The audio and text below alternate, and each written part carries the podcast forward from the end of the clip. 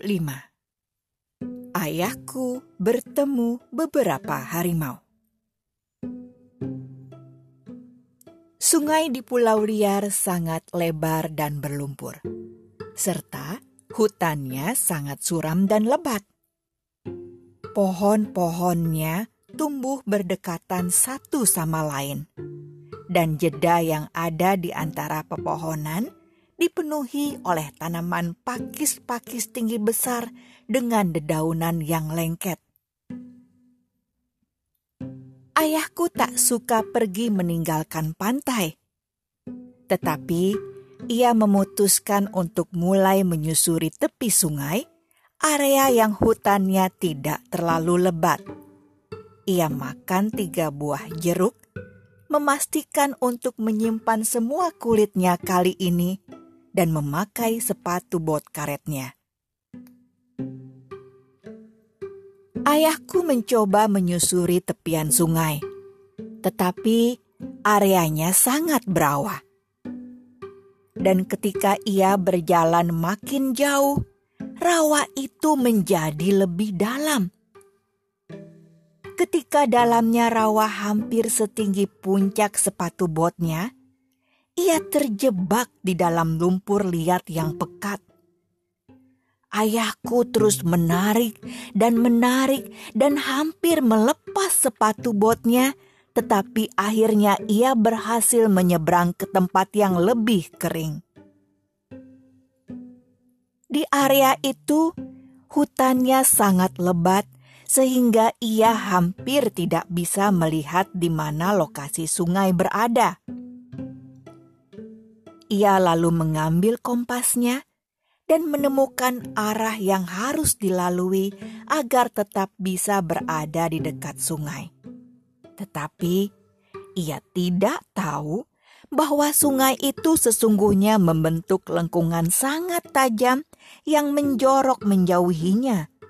Sehingga ketika ia berjalan lurus ke depan, ia makin jauh dan makin lebih jauh dari sungai. Berjalan di hutan sangatlah sulit. Dedaunan pakis yang lengket tersangkut di rambut ayahku, dan ia terus tersandung akar-akar dan batang-batang kayu busuk. Terkadang, pepohonan berhimpun begitu dekat sehingga ia tidak bisa menyelip di antaranya dan harus berjalan jauh memutar ayahku mulai mendengar suara-suara bisikan. Tetapi ia tidak bisa melihat ada hewan-hewan di sekitarnya. Semakin dalam ia berjalan ke hutan, ia yakin bahwa ada yang mengikutinya. Kemudian ia pikir ia mendengar suara-suara berbisik di kedua sisi maupun belakang tubuhnya. Ia mencoba untuk berlari, tetapi ia tersandung lebih banyak akar-akar, dan suara-suara itu pun semakin dekat. Sekali atau dua kali, ia pikir ia mendengar ada yang menertawakannya. Akhirnya, Ayahku keluar menuju tanah lapang dan berlari ke tengah-tengahnya sehingga ia bisa melihat apa pun yang mungkin mencoba menyerangnya. Ia terkejut ketika menemukan dan melihat empat belas mata berwarna hijau muncul dari dalam hutan di sekitar tanah lapang. Dan ketika mata-mata hijau itu berubah menjadi tujuh ekor harimau. Harimau-harimau itu berjalan mengelilinginya, membentuk sebuah lingkaran besar, tampak sangat kelaparan. Lalu mereka duduk dan mulai berbicara. Ah, kurasa kamu berpikir bahwa kami tidak tahu kalau kamu masuk tanpa izin ke hutan kami, ha? Kemudian harimau berikutnya berbicara. Kurasa kamu akan berkata bahwa kamu tidak tahu ini adalah hutan kami, begitu? Oh, tahukah kamu bahwa tidak ada satu pun pengembara yang pernah meninggalkan pulau ini hidup-hidup? Kata harimau ketiga. Ayahku memikirkan temannya si kucing, dan ia tahu si harimau berkata tidak benar.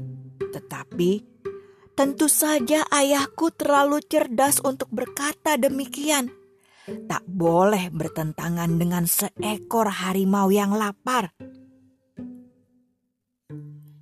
Harimau-harimau itu terus berbicara secara bergantian. Kamu anak kecil pertama kami. Kamu tahu?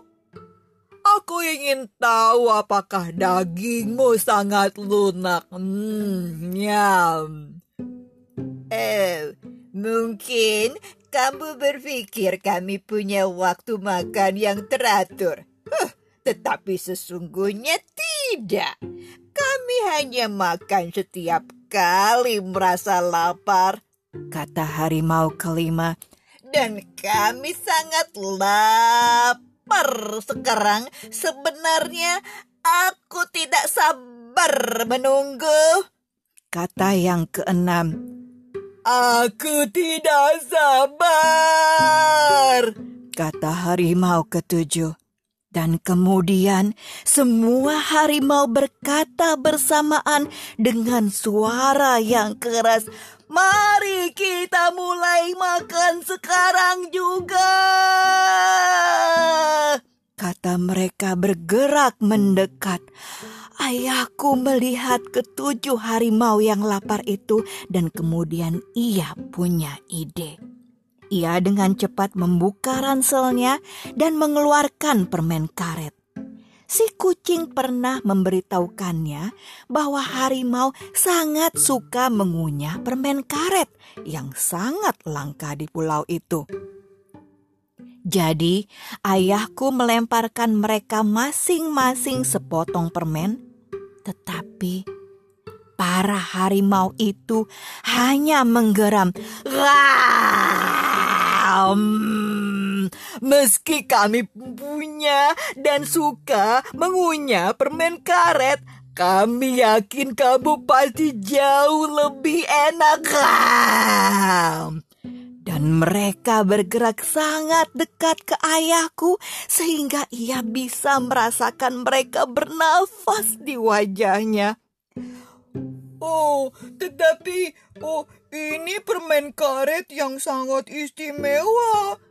Kata ayahku sangat ketakutan. Hmm, jika kalian terus mengunyahnya, cukup lama permen permen karet ini akan berubah menjadi hijau uh, dan dan kemudian jika kamu menanamnya uh, permen karet akan berbuah lebih banyak permen karet. Dan semakin cepat kalian mengunyah semakin cepat kalian akan memiliki lebih banyak permen karet. Begitu. Para harimau berkata Ah, yang benar saja. Bukankah itu bagus sih? Dan karena masing-masing harimau ingin menjadi yang pertama menanam permen karet, mereka semuanya membuka bungkus permen karet dan mulai mengunyah secepat-cepatnya. Sesekali, seekor harimau melihat ke mulut harimau yang lain dan berkata, Hei, belum, belum. Permen karetnya belum selesai. Kunyah terus. Sampai akhirnya mereka semua begitu sibuk saling menatap mulut masing-masing untuk memastikan bahwa tidak ada yang selesai lebih dulu.